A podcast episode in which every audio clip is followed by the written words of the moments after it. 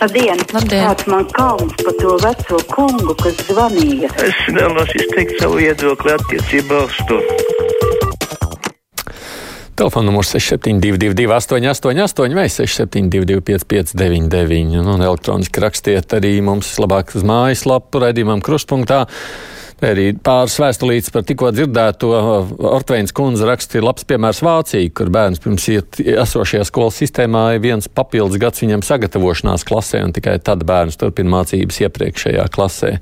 Savukārt Birda saka, ka tas ir smieklīgi, ka atkal valstī jānodrošina skolotāji, kas sēž blakus stundā un tulko bērnam, kas neprot valodu. Ko tad vecāki nerunāja ar bērnu latviešu valodā un neiemācīja viņam runāt, tad lai paši sēž blakus un tulko. Tāda mums divi dažādi viedokļi. Halo! Labdien! Labdien! Ticība bez darbiem nav nekas. Gan tas attiecas gan uz Leģāju, gan Jencīti, gan arī uz Talbergu, jo kā var musināt pandēmijas laikā pret vakcinēšanu to pavasari. Tārbolga kristīgais rādio musināja cilvēkus nevakcinēties. Leģājevs to dara vēl šodien. Jums tas liekas normāli? Nu, neliekas jau man tas normāli, bet uh, es. Uh, Es vispār esmu mazliet noskums par to, ka baznīca nav spējusi izrādīt ļoti. Man ļoti patīk Cālīša kungs sacītais pagājušā nedēļā. Baznīcai bija jābūt flagmanim, bet mēs jau vienmēr esam astē velkušies. Žēl, ka tā. Labdien, Aidi, vai jums ir kas vairāk zināms par tiem žurnālistiem, kuri pēc Līgas krapānas teiktā potēšanās dēļ kļuvuši par invalīdiem? Ja nē, tad tie visticamāk ir kārtieši lesera atbalstītāji nekaunīgie mēli. Nē, pilnīgi noteikti man nav zināms. Ja jau būtu tādi žurnālisti zinām, es domāju, ka mēs jau sen to zinātu. Halo! Labdien! Labdien! Ir vakardien runāja, nevaru pateikt, kas tas bija pa kanālu, saka, krievalodīgi. Bet kāpēc saka krievalodīgi, te jāsaka poliešu valodīgi arī tad citas tautības arī, tā visiem tā jāsaka, latviešu valodīgiem arī. Nu, bet, nu, neglīt izklausās, ka šitā saka. Ka... Nu, tas tāpēc, ka nu, tā nu sanāca, ka krievu valodā runā arī tie paši poļi Latvijā. Visticamāk, poliski nemaz nemāk viena daļa. Nu, protams, daļa ir iemācījušies ar latviešu valodā. Te ir runa par tiem, kas savā saziņā ikdienā izlieto krievu valodu. Un tur ir dažādas tautības. Bet, nu, lielākoties, protams, ka tie ir krievi. Lukašenko apgalvo, ka tie bēgļi mūk no kara. Vai tad Baltkrievijā ir karš vai kādas citas problēmas? Baķi, ka taču esot izcils vadonis, dzīve tur tik pārticīgi saulaina, cilvēktiesības tiek ievērotas vēl labāk nekā Eiropā, un pat Covid tur nesot, raksta Jānis. Jā, taisnība. Tā nu arī te mēs varam redzēt visas tās muļķības, kādas parādās publiskajā laukā. Sen jūsu piekdienas diskusijā nav dzirdēta baiva strautmane, pietrūkst viņas profesionalitāte žurnālistikā, un uz garo brīvā mikrofānu arī varētu viņu uzaicināt tā miks domām. Halo! Halo! Jā, lūdzu! Aidi, nu pat noklausījos jūsu raidījumu par tiem reimigrantu re bērniem, Jā. kuriem ir problēmas ar latviešu valodu. Mm -hmm. Nu, bet tas ir kolosāls eksperiments 49. gadā. Tūkstošiem latviešu bērnu nonāca Krievijas skolās, un pēc gada bija teicamnieki. Nu, kāpēc? Nu, vienkārši vienu gadu viņam jāļauj tur sēdēt, lai viņi tur sēž un uzsūc to valodu. Mm -hmm. Nu, savādāk es neredzu. Tas, tas eksperiments bija tāds nu, brutāls, bet ļoti efektīvs. Nu, tā jau pieminēja Vācija, kuriem ir tās sagatavošanās periods, kurā bērns tad var vienu gadu mācīties šādā veidā. Tā, kas te tālāk no klausītājiem pēc totālas vakcinācijas Pēters raksta un diviem mēnešiem bez ierobežojumiem vīrusu izplatībai pieaugot Dānija atkal atgriežas pie 3P pārslimojas pārbaudīts potāts. Un arī Vācijas futbola izlasē puse spēlētāja paliek mājās, ja kāds vakcinēts spēlētājs ir vīrusu izplatītājs un kontaktējies ar pusi komandu. Tā tad skaidrs, vīrusu izplatība ierobežos tikai čupošanās ierobežošanu un visi tie tirgoņi, kas nespēs izmantot internetu iespējas, kļūst par 21. gadsimta dinozauriem. no to, kad jā, iepirkšanās internetā rulē vairāk, tas arī saprotams ir. Halo! Halo! Nerunāsit? Nerunāsit. Nu, ja nerunāsit, tad es lasīšu tālāk.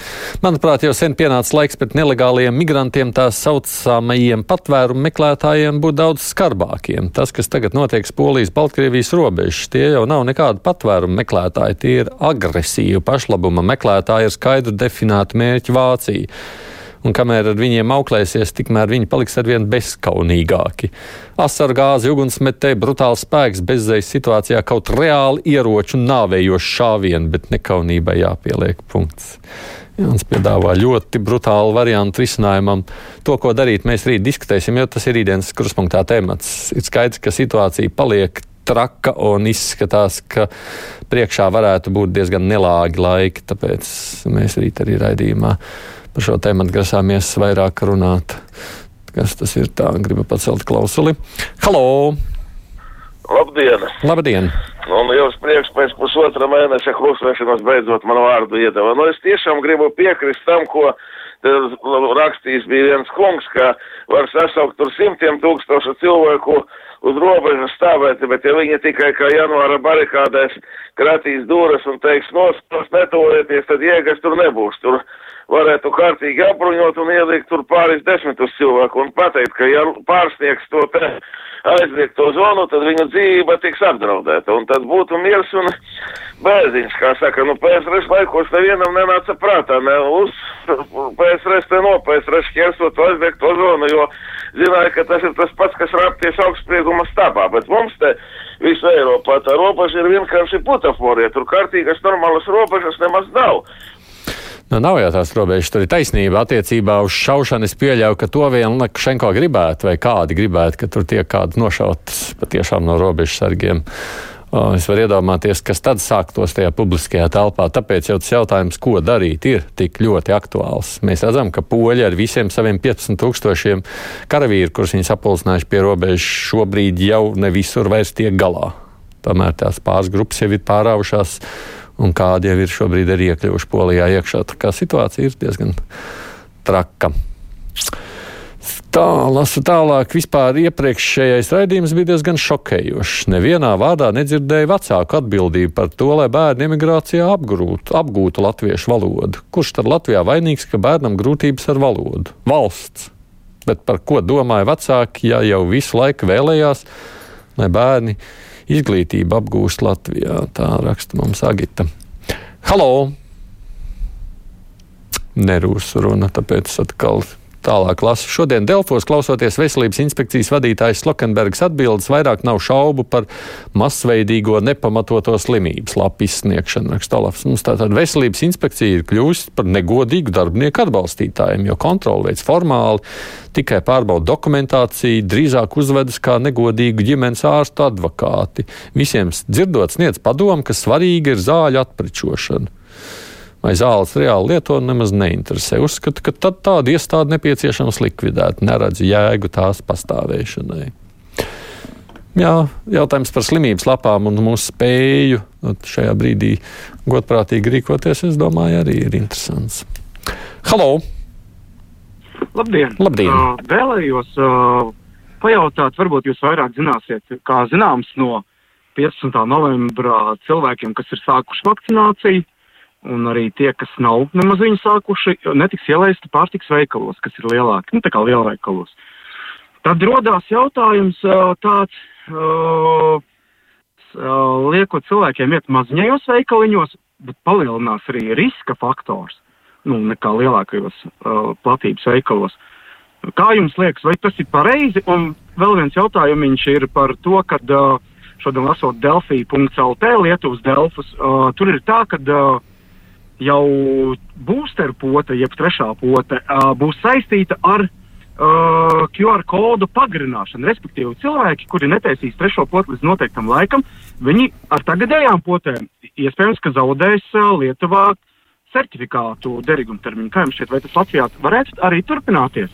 Paldies! No, nu, jums ir divi jautājumi, uz kuriem droši vien es varu atbildēt tikai ļoti aptuveni attiecībā uz otro. Iespējams, šobrīd jau mums saka, ka mums vismaz nav pašlaik plānots certifikāta derīguma termiņu ierobežot. Bet ļoti iespējams, nu, jūs redzat, tas nav tikai Lietuvā, arī citās valstīs jau šobrīd, iebraucot, jums, ja nav bijusi revakcinācija, pagājis vairāk nekā pusgads, tas certifikāts nav derīgs. Tā kā kaut vai braucot ārpus Latvijas ar šo būs jārēķinās. Attiecībā uz pirmo, tam jau droši vien ir loģistikas jau, iemesli, vai tas ir labi vai slikti. Droši vien, ka nu, tur ir savu plusu un savu mīnus. Tas, kā iepriekš to darīja ar žogiem, lentītēm novelkot, jau arī jēdzīgi nebija. Nu, es gan ceru, ka šī problēma pati par sevi tādā ziņā mazinās, jo tiešām tas vakcinēto skaits nu, diezgan pieaug. Tā, es ceru, ir laba ziņa. Ernests saka, radio Marija Latvija, kas ir katoļa radio, tas mudina vakcinēties. Latvijas kristīgais radio gan turpretējo. Nu, starp citu, no visām baznīcām, tā jāatzīst, jāuzteic, ir katoļu baznīca. Viņi ir laikam vienīgie bijuši viskonsekventākie no visām kristīgajām baznīcām šajā ziņā. Par to tiešām viņiem paldies. Halo! Labdien! Labdien! Es gribēju teikt, ka tomēr tā nav taisnība. Piemēram, es esmu no visiem vecvecākiem vācieti. Man draugi ir poļi bet, un lietuvieši, bet visi runā latviski, latviešu skolās gājuši un skaitās latvieši. Tad mūs arī vajag saukt par latviski runājošiem vai latviešu cilvēkiem. Es domāju, ka tā ir tāda pārprasta pazemība, ka krievus nesauc par krieviem, bet, bet sauc par, par krievu valodīgiem un krievu cilvēkiem. Tad... Es piekrītu atkarībā no konteksta. Tajā brīdī, ja mēs runājam patiešām par krieviem un latviešiem, tad tā arī jāsaka, tie ir krievi, tie ir latvieši. Es nekad neesmu dzirdējis, ka krievi kautrētos no savas tautības. Bet tajā brīdī, kad mēs runājam par valodas lietojumu un cilvēku spēju uztvert, tad iespējams tur var lietot gan šo vārdu krievu valodā runājošie, jo mēs patiešām zinām kaut vai pat nu, šie paši migranti, kas reizēm šeit ierodas un paliek, arī viņi, nu, kaut vai no Baltkrievijas iebraukšie, viņi ir krievu valodā runājoši cilvēki. Protams, latviski vēl nav iemācījušies, cerams, iemācīsies. Nu, par krieviem arī viņus tajā brīdī saukt nevarētu. Zinu, ka nepopulāri, bet es atbalstītu lockdown līdz 1. decembrim, lai Ziemassvētki varētu būt brīvāki, jo pagaidām neiet tik spoži. Tā Zalmanas kundze raksta. Vēl viens zvans. Halo! Labdien! Labdien. Es nesaprotu, kāpēc mums bēgļus, kuri grib uz Vāciju, nevar poļi sasēdināt autobusos un vienkārši aizvest un problēmu atrisināt. Man liekas, tā lielā politika tur vienkārši. Paldies! Nekas jau nebūtu atrisināts. Vispirms jau zināt, ka mums jau šobrīd Eiropas Savienībā ir zināma kārtība, kas notiek ar tiem, kas ienāk teritorijā. Otrkārt, jūs jau redzat, šobrīd Vācija pastiprina robežu ar Poliju, jo kādiem jau tomēr izdodas un kādi nokļūs līdz Vācijai. Tāpēc arī vāci, vācieši sāk sargāt savu robežu. Problēma tur netrūkst. Paldies visiem, kas rakstījāt vai zvanījāt. Priekšā mums ir ziņas, nu, un pēc tam savukārt būs iespēja iztaujāt mums Latvijas Bankas prezidentu.